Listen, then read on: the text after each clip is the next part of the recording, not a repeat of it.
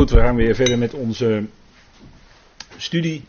En we hebben voor de pauze met elkaar gezien dat het rook van het reukwerk steeg met de gebeden van de heiligen uit de hand van de boodschapper op voor God. Het gebed waar we ook eh, in het kader van de brief van de Filippenzen met elkaar wat uitvoeriger over hebben gesproken. Dus dan verwijs ik u ook daar weer naar terug, naar Filippenzen. Daar hebben we met elkaar wat langer gesproken en wat, soms wat indringend over het gebed. En het is goed om, eh, als u daar meer over wil horen, om die Filipense studies dan erbij te pakken.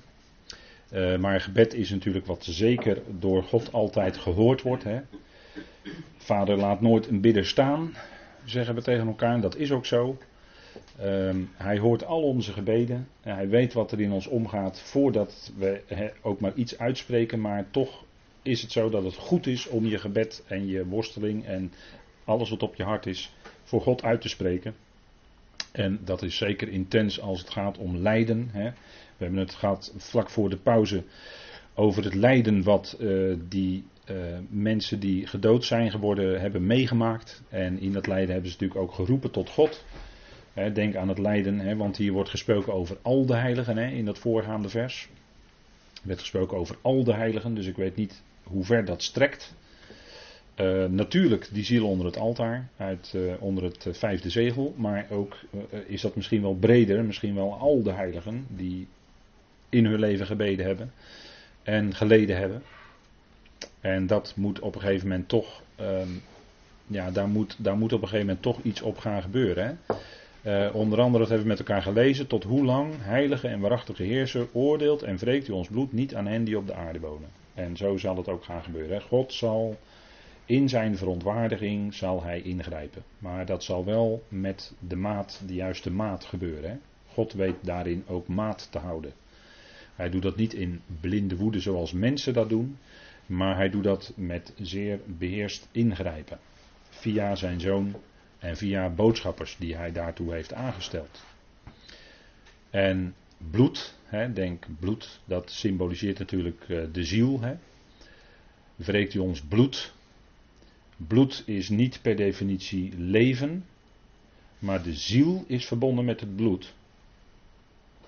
En de leven en het leven, leven op welke manier dan ook, is altijd afkomstig van de geest, de geest van God. Dat is de bron van alle leven. En voor, voor zover bloed een functie speelt, een functie vervult in het menselijke lichaam, is het om de zuurstof, maar dat heeft te maken ook met adem. En adem is ook van God afkomstig.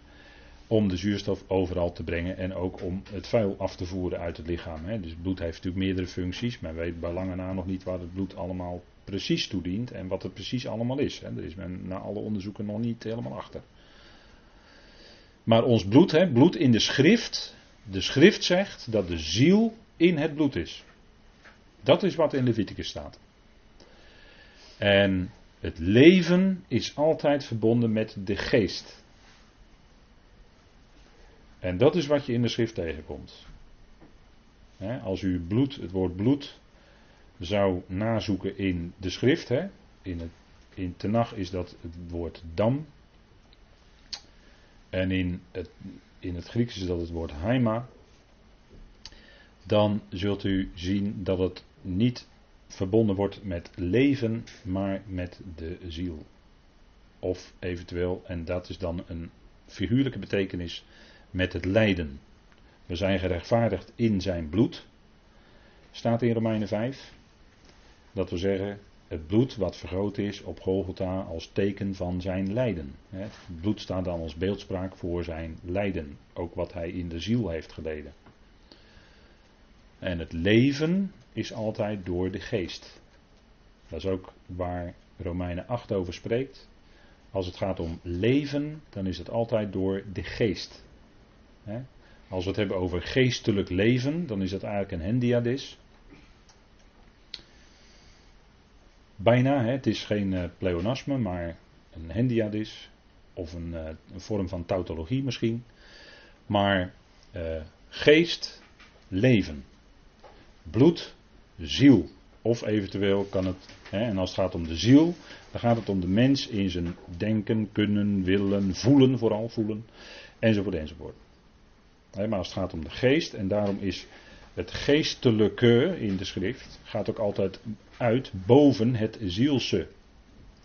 Dat wil zeggen dat de geest dan ook hoger is, dat is een, van een hogere orde, dan het bloed. Want vlees en bloed kunnen het koninkrijk van God niet als lotdeel genieten. Maar een lichaam wat beheerst wordt door geest, wel. En dat is ook wat wij zullen ontvangen: een geestelijk lichaam. Wel degelijk een lichaam hoor, maar een geestelijk lichaam. Dus een verheerlijk lichaam. En er is een verschillende heerlijkheid. 1 Corinthië 15 heeft het daar uitgebreid over. Er is verschil in heerlijkheid in de opstanding. Maar het bloed, dat kan ook van de aarde roepen, dat is dan beeldspraak natuurlijk.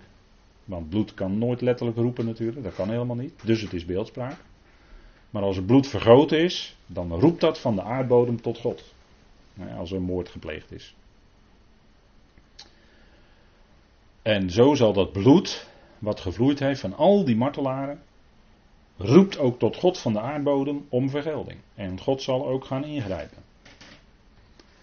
En wat zou dat gebed nog meer kunnen zijn? Hè? Want het gaat over gebeden van de heiligen. Wat zou dat nog meer kunnen zijn als we denken over het nu komende koninkrijk? Nou, wat in Matthäus 6 staat. Uw naam worden geheiligd. Uw koninkrijk komen. Uw wil geschieden, gelijk in de hemel. En niet in heel de hemel geschiet nu al zijn wil hoor, want de Satan is ook nog in de hemel. Dus in de omgeving van Satan zal de wil van God niet gedaan worden, denk ik. Dus dat moet ook nog eerst volledig worden. Hè. Daar, daarom gaan wij eerst erin. En dan duurt het niet zo lang, dan gaat hij eruit. Hè. Dat duurt misschien uh, 3,5 jaar. Op zijn minst. Misschien wel langer. Uw wil geschieden, gelijk in de hemel, alzo ook op de aarde. En voordat Gods wil op de aarde gedaan zal worden, nou, er moet nog heel wat gaan gebeuren. Er moet eerst heel wat rechtgezet worden. want alles staat op zijn kop, alles staat op zijn kop. Alles is omgedraaid. Alles. En, en al wat aan, aan geestesstromingen in de wereld ingebracht wordt, He, als, als, als sinds enige honderden jaren, sinds de verlichting. sinds de verlichting. Is er steeds meer dat woord van God is opzij gegaan. Is steeds meer uh, uitgebannen naar de randen van de samenleving enzovoort. Is allemaal sinds de verlichting. En er zijn allemaal geestelijke stromingen gekomen en die hebben alles op de kop gezet. dat is ook het plan. Er wordt heel bewust gewerkt al, al honderden jaren aan een, bewust, bewust aan een plan dat, dat alles op zijn kop gezet moest worden. Alle, alle christelijke normen en waarden moesten allemaal weg. En moesten allemaal andere normen en waarden voor in de plaats komen. Alles op zijn kop gezet. dus de tegenstander heeft dat denken van de mensen beïnvloed. En steeds meer dat de mens uh, zelf centraal staat in plaats van dat men God als God verheerlijkt. Ja, en dat moet leiden tot verontwaardiging. En dat zal ook gaan gebeuren. maar uh, dat, dat is waar men altijd op uit is om het denken van de mens om te turnen. En dat is al begonnen bij nogmaals de Franse revolutie. Of revoluties moet ik dan zeggen. Hè, want 1830 en 1870 enzovoort. Nou, daar kunnen we ook nog wel wat dingen over vertellen. Als u even wat geschiedenis weet. Maar voordat die wil van God gedaan wordt op de aarde.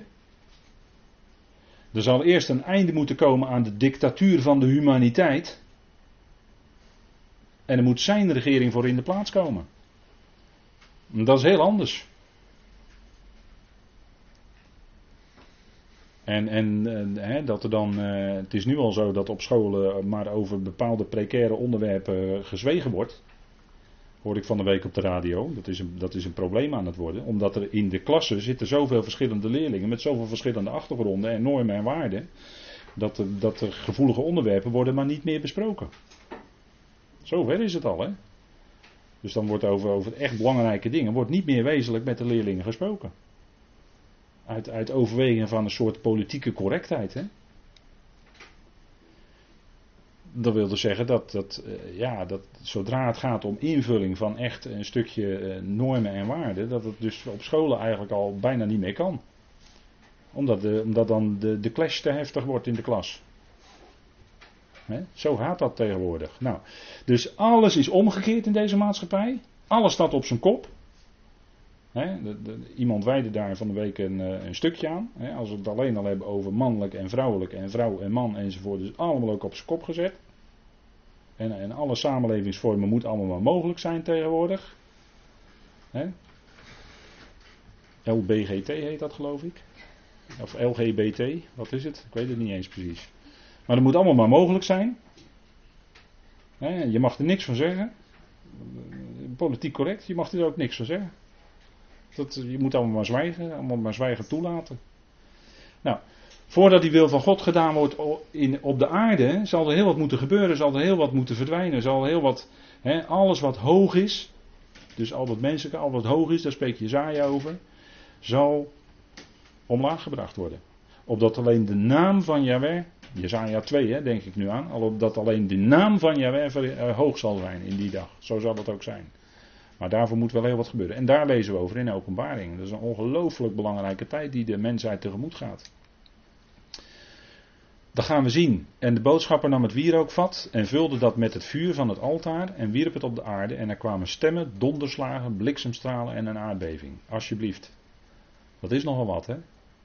En, en je zou dat kunnen samenvatten als met God spreekt. God spreekt zijn woorden en dan gaat er ook iets gebeuren. En nu spreekt hij het woord van het gericht en dan gaat er ook daadwerkelijk iets gebeuren. En donderslag kan ook de stem van God zijn. He, bliksemstralen, dan komt er licht. Is ook natuurlijk een uh, woord van God, is ook licht. Hè? Dan valt ineens het licht erop. als, als uh, al wat openbaar maakt is licht, las ik vandaag. Al wat openbaar maakt is licht, staat in Efeze 5. Hè? En dat komt natuurlijk bij God vandaan, want God is licht.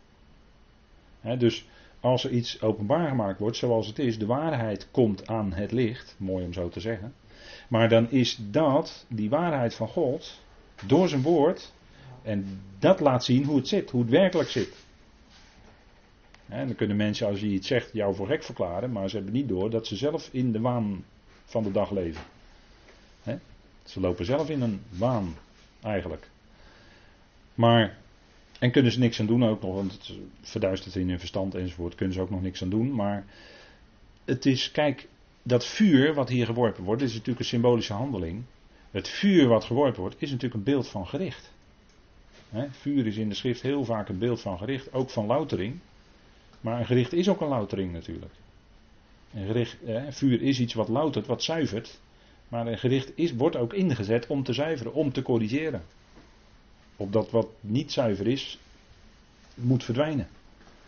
en eh, dat staat bijvoorbeeld ook, zo'n handeling staat bijvoorbeeld, ook in Ezekiel 10, vers 2 tot en met 8. Uh, laten we dat heel even met elkaar erbij pakken. Ezekiel 10. Ezekiel is een profeet die heel spreekt over, veel spreekt over het werk van de geest in, de nieuw, in, de, in het nieuwe verbond, in de komende koninkrijk. En de heerlijkheid, hè? Ezekiel spreekt ook veel over de heerlijkheid van God. En dat zien we ook in de verschijning van de Gerubs in Ezekiel 10. En we lezen even vanaf vers 2. Toen zei hij tegen de man die in linnen gekleed was: Ga onder de gerub, de ruimte tussen de wielen binnen. Vul uw beide handen met vurige kolen uit de ruimte tussen de gerubs en strooi ze uit over de stad. Toen ging hij voor mijn ogen naar binnen. Nou, die stad dat is dan Jeruzalem. Dus hij moest die kolen, dat is, uh, is, natuurlijk ook hier een visioen, hè, maar hij moest die kolen dan over Jeruzalem uitgooien als het ware, als een beeld van dat het gericht over Jeruzalem moet komen. En dat zal ook in de toekomst gaan gebeuren, hè, want als we kijken in openbaring 11 bijvoorbeeld, dan wordt Jeruzalem genoemd de stad die geestelijk genaamd wordt, Sodom en Egypte. Ik denk dat dat erg duidelijk is, hè. Als een stad geestelijk zo genoemd moet worden. Dat, gaat het over Jeruzalem. De stad die genaamd wordt, geestelijk genaamd wordt, Sodom en Egypte. En over die stad moet ook in dan, in die tijd, moet ook het gericht komen. En we, we hebben ook al gezien dat Jeruzalem, dat zal nog verwoest gaan worden. En dat heeft met uh, die dingen te maken, uh, die bijvoorbeeld ook in Ezekiel 8 beschreven staan. Want waarom moest dat gericht nu komen? Nou, onder andere wat wij lezen in Ezekiel 8, vers 14. Want wat werkelijk in dat huis, dus in de tempel van de Heer, gebeurde, was de vrouwen die beweenden de tammuz. En de tammuz was een afgod. Dat is een afgodsbeeld. En dat gebeurde notabene in de tempel. dat was een bepaald ritueel, de, de van de tammuz. Maar dat had te maken met afgoderij. dus ze hadden hun gezicht als het ware niet gekeerd naar Yahweh, maar ze hadden hun gezicht afgewend naar Tammuz. Daar waren ze mee bezig. Afgoderij. En dat is het ernstigste, want je zult geen andere goden voor mijn aangezicht hebben. Dat is artikel 1 van de wet. Hè? Ik ben de Heer jullie God, je zult geen andere goden voor mijn aangezicht hebben. En als Israël dan verviel tot afgoderij, was dat het ergste wat ze konden doen. En als een volk vervalt tot afgoderij, dan duurt het niet lang, in, maar dan is dat ook in het uh, gedrag te merken. In het morele verval, om het zo maar eens te noemen. maar dat heeft te maken met afgoderij. Heeft te maken met dat je de enige ware God niet langer erkent als God, maar dat je een ander, een afgod, dat je daarmee aan de slag gaat. Dat, leidt onherroepelijk tot moreel verval. Onherroepelijk. Het lijntje is altijd vanuit God te trekken.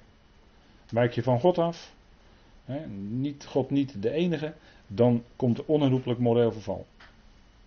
En dat is wat we, wat we in de westerse samenlevingen zien. dat is een hele ernstige situatie waarin we beland zijn. En daar moet dan ook een einde aan komen. En zij beweenden de tammuz. En in Ezekiel 10 lees je dan ook dat er een gericht moet komen over de stad. Want dat laten plaatsvinden, ja, dat, dat kan natuurlijk niet zo blijven. En dan zie je ook dat in Ezekiel 11 de geest, dan wel de heerlijkheid, vertrekt uit Jeruzalem. Dus die gaat als het ware weg uit het heilige der heiligen. Ezekiel 11, dan gaat die heerlijkheid van de Heer, dus nog even rust hij op de berg daar. En dan gaat hij weg is de heerlijkheid weg. daar waar men niet langer God eert als God en zijn woord centraal stelt, wil ik er dan ook wel bij zeggen. Want dat, dat, is, dat verschilt niet zoveel van elkaar. Dan, als men dat niet meer doet, dan gaat de heerlijkheid van God gaat weg. En bij de heerlijkheid van God, die rustte op de ark van het verbond in het heilige der heiligen. En wat gebeurde daar? Daar sprak hij. Daar sprak hij. En als de heerlijkheid van God dus vertrok uit het heilige der heiligen, dan spreekt hij daar dus niet meer. Hij heeft direct met het verliezen van het woord en het zicht op het woord te maken. Dat is heel ernstig hoor. Verliezen van het zicht op het woord van God, dat is heel ernstig. En dat is wat gebeurd is ook in de afgelopen 200 jaar, sinds de verlichting. Dat men Gods woord van binnen is uit gaan hollen. Dat men is gaan zeggen, David Friedrich Strauss, das Leben Jesu. Hè, daar is het onder andere mee begonnen. Dat is een hele sterke beïnvloeder geweest. Dat men de wonderen en alle dingen uit de schrift die men zogenaamd met het verstand of empirisch vanuit de wetenschap niet kon verklaren, dat eh, kon dan niet waar zijn. Dat waren, waren dan allemaal mythen en moest, de Bijbel moest uh, van de mythen ontdaan worden. En dan moest je de kern eruit halen. Dat er alles omheen, hè, ik hoor het de talent dus bijna zeggen. De kern, hè, dat wat er omheen zit, dat moet je eigenlijk maar vergeten. Dat is allemaal verhalen. Hè. Dat zijn allemaal verhalen. Het is misschien wel waar, maar het is niet echt gebeurd, wordt er dan gezegd. Ja, ja. Maar de Bijbel moest dus ontdaan worden van de mythe. Ja, Jezus liep natuurlijk niet op het water, joh. Nee, joh. Jezus liep er langs. Dat moet je anders lezen. Hè? Wordt dan altijd gezegd. Moet je anders lezen hij maakte de zieken gezond, ja. wonderen, alle wonderen enzovoort, moest allemaal uit de Bijbel, moest allemaal geschrapt worden. En zo is, is men, de, men Gods woord kwijtgeraakt. Daarmee is het licht langzamerhand gaan verdwijnen. En we leven nu in de tijd dat, dat het licht echt verdwijnt. Dat licht van het woord van God verdwijnt echt uit de westerse samenlevingen. In hoog tempo. En dat gaat, dat gaat op termijn gaat dat terug naar het volk Israël. En dat is precies de gelijkenis van de olijfboom in Openbaring 11, of in uh, Romeinen 11. Dat, dat is precies wat Romeinen 11 ons vertelt. de, de, de natuurlijke takken werden niet gespaard. Maar uh, dan zullen de, de anderen zullen zeker niet gespaard worden. Als ze niet langer lichtdrager kunnen zijn, als ze niet langer dat woord van God centraal stellen en uitdragen, ja, dan worden zij uitgebroken. Ongeloof. En dan gaat, het, dan gaat die, die, dat licht gaat weer terug. Olijfboom spreekt van licht. Gaat weer terug naar Israël. Daar gaat uh, Romeinen 11 over. Die gelijkenis van de olijfboom. Nou, dat is wat we zien. Hè? En dat, daar moet dan ook het gericht op komen. laat je het woord van God los, dan, dan verlies je alles hoor. Dan verlies je het licht, dan verlies je de, de juiste waardevolle normen enzovoort. Dat verlies je dan allemaal, raak je allemaal kwijt. Dat is wat we zien. De zeven boodschappers die de zeven bazuinen hadden, gingen zich gereed maken om de bazuin te blazen. En de, de symbolische handeling is al geweest. Hè? Vuur werd op aarde geworpen, bliksemstralen, er komt gericht. En dan gaan we kijken naar de eerste boodschapper die, de, die blaast. Dat is Openbaring 8, vers 7. En de eerste boodschapper blies op de bazijn en er kwam hagel en vuur vermengd met bloed en dat werd op de aarde geworpen. En het derde van de bomen verbrandde en al het groene gras verbrandde. Hier zien we over vuur vermengd met bloed. Dat doet toch sterk denken aan de plaag van Egypte.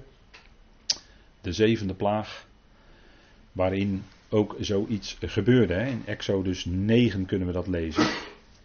Zodat even vergelijkend even die paar versen erbij opslaan. Exodus 9. want Egypte in de schrift is ook een beeld van de wereld als geheel. Want de periode dat Israël werd verdrukt in Egypte is een type van de periode dat Israël nog verdrukt zal worden door de volkeren in de toekomst. Dat is daar een type van. En daarom, Egypte is altijd, dat is altijd een vast gegeven in de typologie. Egypte is een beeld van de wereld. En Israël, die in de woestijn was, die verlangde ook terug naar de vlees. Let op het woord vlees. Vleespotten van Egypte. En dat is altijd ook een van de gevaren tussen aanhalingstekens voor de gelovigen. Dat hij terug verlangt naar de wereld als je daaruit getrokken bent. Want die wereld op een of andere manier, die trekt toch altijd wel een beetje nog. Misschien. Laat ik maar voorzichtig zeggen. Exodus 9, daar lezen wij. Toen strekte Mozes zijn staf naar de hemel en de Heer gaf donder en hagel. Vuur schoot naar de aarde. En de Heer liet hagel neerkomen op het land Egypte. En er viel hagel en er flitste vuur te midden van de hagel, een zeer zware bui. Iets dergelijks was er in heel het land Egypte nooit gebeurd sinds het een volk was geworden. Dus hierin zie je dezelfde soort verschijnselen als we bij, dit, bij deze bazuin lezen. De hagel sloeg in heel het land Egypte alles neer wat op het veld was, van mens tot dier. De hagel sloeg al het veldgewas neer en versplinterde alle bomen van het veld. Dus de bomen gaan eraan. En we lezen hier ook dat het derde deel van de bomen, het derde van de bomen verbrandde en al het groene gras verbrandde. Dat heeft natuurlijk een enorme uitwerking op deze aarde. we, zijn nu al zo op de bomen en op de, de hele gang van zaken in, in, het, uh, in het zogenaamde milieu het milieu. Dat is uh, sinds uh, de Club van Rome dat tot crisis heeft verklaard, is er een milieucrisis. Hè, is, er een, uh, is er een klimaatveranderingscrisis gaande. En daar moeten we allerlei maatregelen voor treffen. Hè, moeten we allerlei dingen aan gaan doen. En wij als mensen zijn daar dan, hebben daar dan schuld aan. Zo wordt ons aangepraat dat, dat er misschien iets hogere temperatuur wordt op deze aarde. Met alle gevolgen van dien klimaatverandering. Maar ja, ik denk dat klimaatverandering er sinds de eerste, allereerste dagen al geweest is. Het klimaat verandert altijd. Dus dat is niet zo spectaculair. Maar wat hier gaat gebeuren onder, dit, onder deze boodschapper is wel spectaculair. Het derde van het bomen verbranden, al het groene gras verbranden. Dat heeft nogal een impact. Dat heeft nogal een invloed. Bomen. Zoveel bomen ineens verbrand. En als je economisch denkt, dan denk je dat is een slag voor de meubelindustrie. en voor de, het klimaat. Hè, want de bomen, die, eh, de, de, bladeren, die fungeren als filters, geloof ik, hè, heb ik wel eens begrepen. Maar dat heeft natuurlijk enorme invloed. Heeft geweldige gevolgen. Hè, vuur vermengd met bloed. Dat is een teken van de hemel dat er werkelijk iets gaande is. Dat, en, en de, de, dingen gaan tegenwoordig zo snel. Hè, als het uh, vandaag iets, iets ergs gebeurt, dan zijn we het morgen alweer vergeten. Omdat we volgestopt worden met informatie. We hebben nauwelijks tijd om ergens bij stil te staan. Zo gaat dat. Maar dit zal natuurlijk een enorme impact hebben. Hier zullen de, de, de camera's van de wereld natuurlijk bovenop staan als dit gaat gebeuren. Iedereen zal het tegelijkertijd kunnen zien. Het is enorm wat hier gebeurt. Vuur, letterlijk vuur, wordt op de aarde geworpen. En dat heeft, eh, wat, wat het precies is, ja, mensen proberen het altijd te duiden. Is dat misschien iets van uh, een atoombom die tot ontploffing wordt gebracht, of een, of een ander soort bom die, die enorme invloed heeft? We weten het niet. Het is heel moeilijk om, om daar iets van te zeggen. Feit is dat, er, dat het enorme gevolgen heeft, dat het enorm gebeuren is. En dat, dat je daaraan ook ziet dat het nodig is dat God ingrijpt. bij Mozes was het dan op kleine schaal in Egypte. Maar ja, nu is een veel grotere dan Mozes. Is nu aan de orde, treedt nu naar voren. waar Mozes ook een type van was, de Heer Jezus. En die gaat gericht, die gaat ingrijpen. Goed, en dan krijgen we de tweede die op de bazuin gaat blazen. En dan is er iets van een grote berg u ziet hoe, hoe, het omschreven wordt. He. De tweede engel blies op de bazuin. En er werd iets als een grote berg. Dus wil niet zeggen het is een letterlijke grote berg. Nee, iets als een grote berg. Het is een vergelijking, wordt gemaakt. Als je scherp leest. die van vuur brandde, in zee geworpen. En het derde van de zee werd bloed. En denk niet dat het niet kan. Het kan wel. Want bij Mozes gebeurde het toch ook. Dat het water in bloed werd veranderd. En, en, de, en de, de magicians, hè, de tovenaars van Egypte deden dat ook. Dus denk niet dat het, dat onmogelijk is. Maar het is wel enorm veel, hè? een derde van de zee. Ja, wat je daarvan moet begrijpen. Wij zouden misschien zeggen, ja, het zou misschien nog de Middellandse Zee kunnen zijn. Maar voor hetzelfde geld is het alle oceanen van de hele wereld. En daar dan een derde van. Kan ook. Even moeilijk te zeggen. Maar dat is wat wij dus zien bijvoorbeeld in. Hè, ik heb de tekstverwijzingen erbij gezet op deze dia. Exodus 7. Hè, die, en er wordt in de psalmen wordt daar nog op teruggekomen. Psalm 78. Psalm 105. Er werd nog eens op teruggekomen op, de, op de geschiedenis dat er water in bloed werd veranderd. Daar getuigt de psalmist van. Dus dat is wel degelijk gebeurd. En ja, die samenstelling van het water wordt dan daar dus door veranderd. En dat kan tot gevolg hebben dat wat daarin leeft, sterft. En zo gebeurde dat ook in Egypte.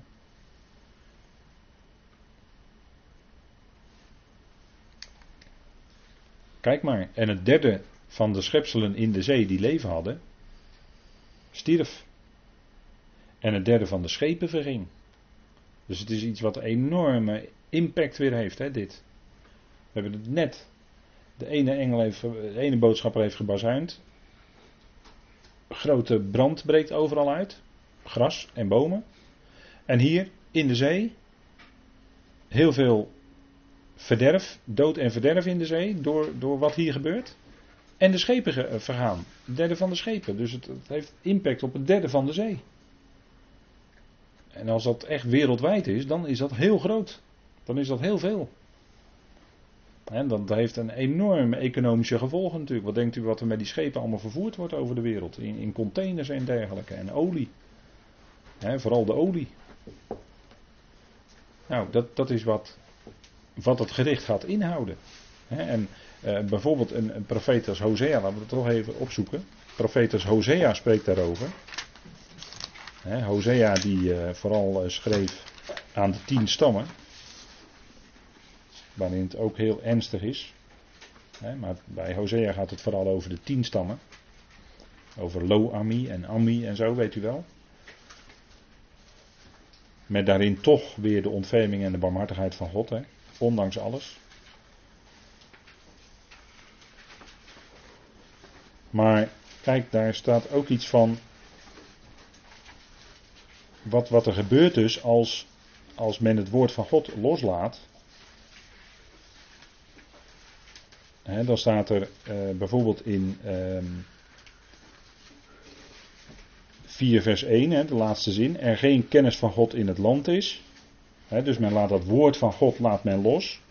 Vloeken, liegen, moorden, stelen, overspel plegen zijn wijdverbreid. Bloedbad volgt op bloedbad. Daarom treurt het land. En ieder die erin woont verkommert. Met de dieren van het veld en de vogels in de lucht. Zelfs de vissen in de zee worden weggenomen. Het heeft enorme gevolgen. Ziet u het?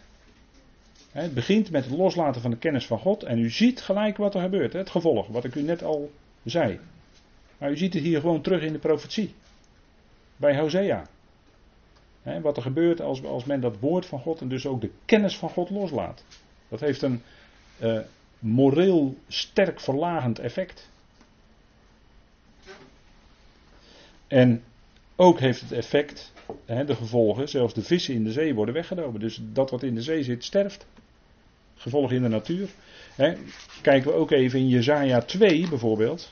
Jezaja 2.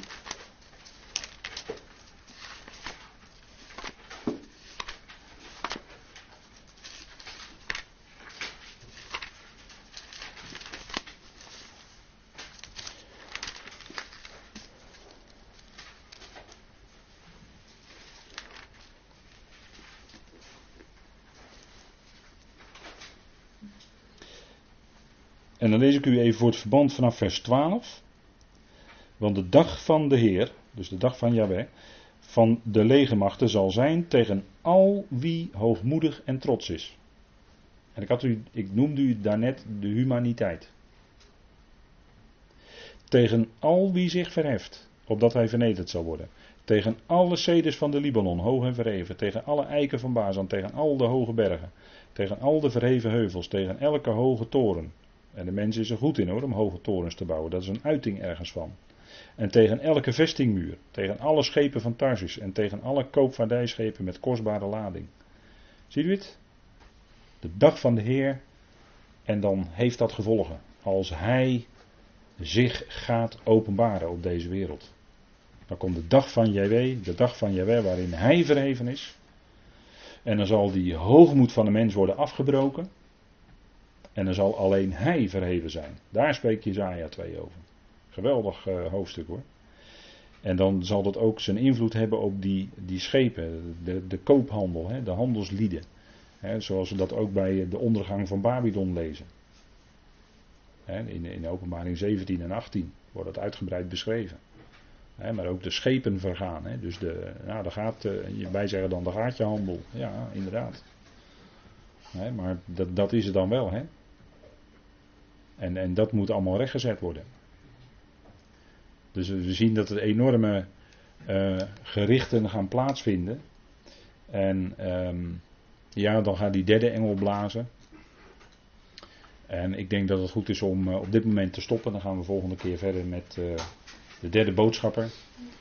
En wat daar dan gaat gebeuren. Hè. Dan gaat het over alsem, over bitterheid en dergelijke. Nou, dat gaan we de volgende keer zien. Ik wil het hierbij laten en zullen we dan deze avond afsluiten met gebed.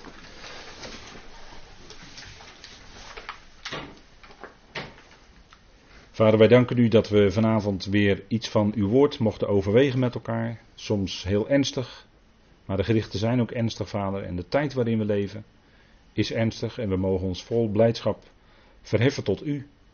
U danken dat we in deze tijd nog steeds de dag van genade, nog steeds de dag van redding, mogen leven. Vader, de tijd waarin overstromende genade geldt en op de troon zit. Vader, en straks komt die tijd van gericht waar we vanavond met elkaar naar hebben gekeken. Want heel uw woord, Vader, is voor ons tot onderwijzing gegeven. Vader, dank u wel dat we ook daarvan mogen leren voor onszelf, voor ons persoonlijk leven. Dank u wel dat u een God bent die op een rechtvaardige en op een juiste wijze zal richten.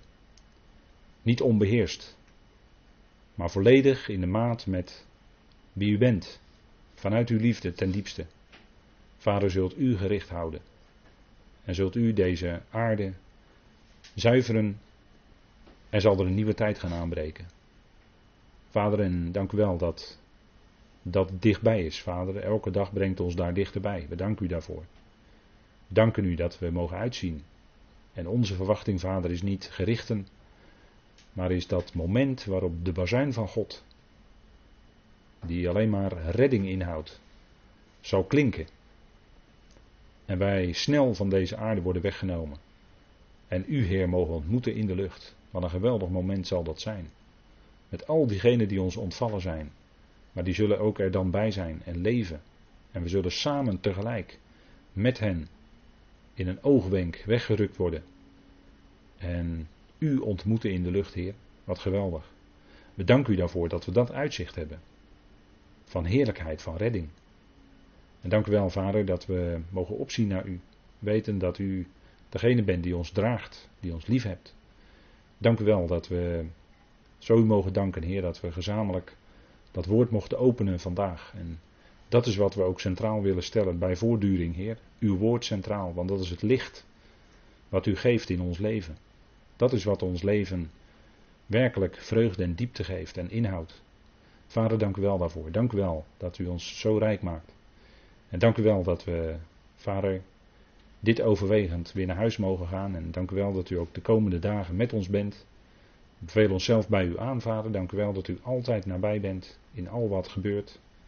We bidden ook voor komende vrijdag, Heer, de bruiloft. Mag dat een fijne en goede dag zijn. Dank u wel, Vader, dat u dat geeft. We danken u, Heer, dat u nabij bent bij ieder die het moeilijk heeft. In ouderdom, in beperktheid. Vader, wees nabij en dank u wel dat we ook naar elkaar mogen omzien daarin. Dank u wel dat u draagt en dat u alles in uw hand heeft. Vader, we danken u daarvoor. En dat u uiteindelijk, uiteindelijk met ieder tot het doel gaat komen. Via de grote witte troon. Vader, het zal niet zomaar zijn. Maar via gerichten. En uiteindelijk toch genade. Zult u er komen, Vader. We danken u daarvoor. We danken u voor alles wat u zo gegeven heeft en nog geven zult. We danken u in de machtige naam van uw geliefde Zoon. Amen.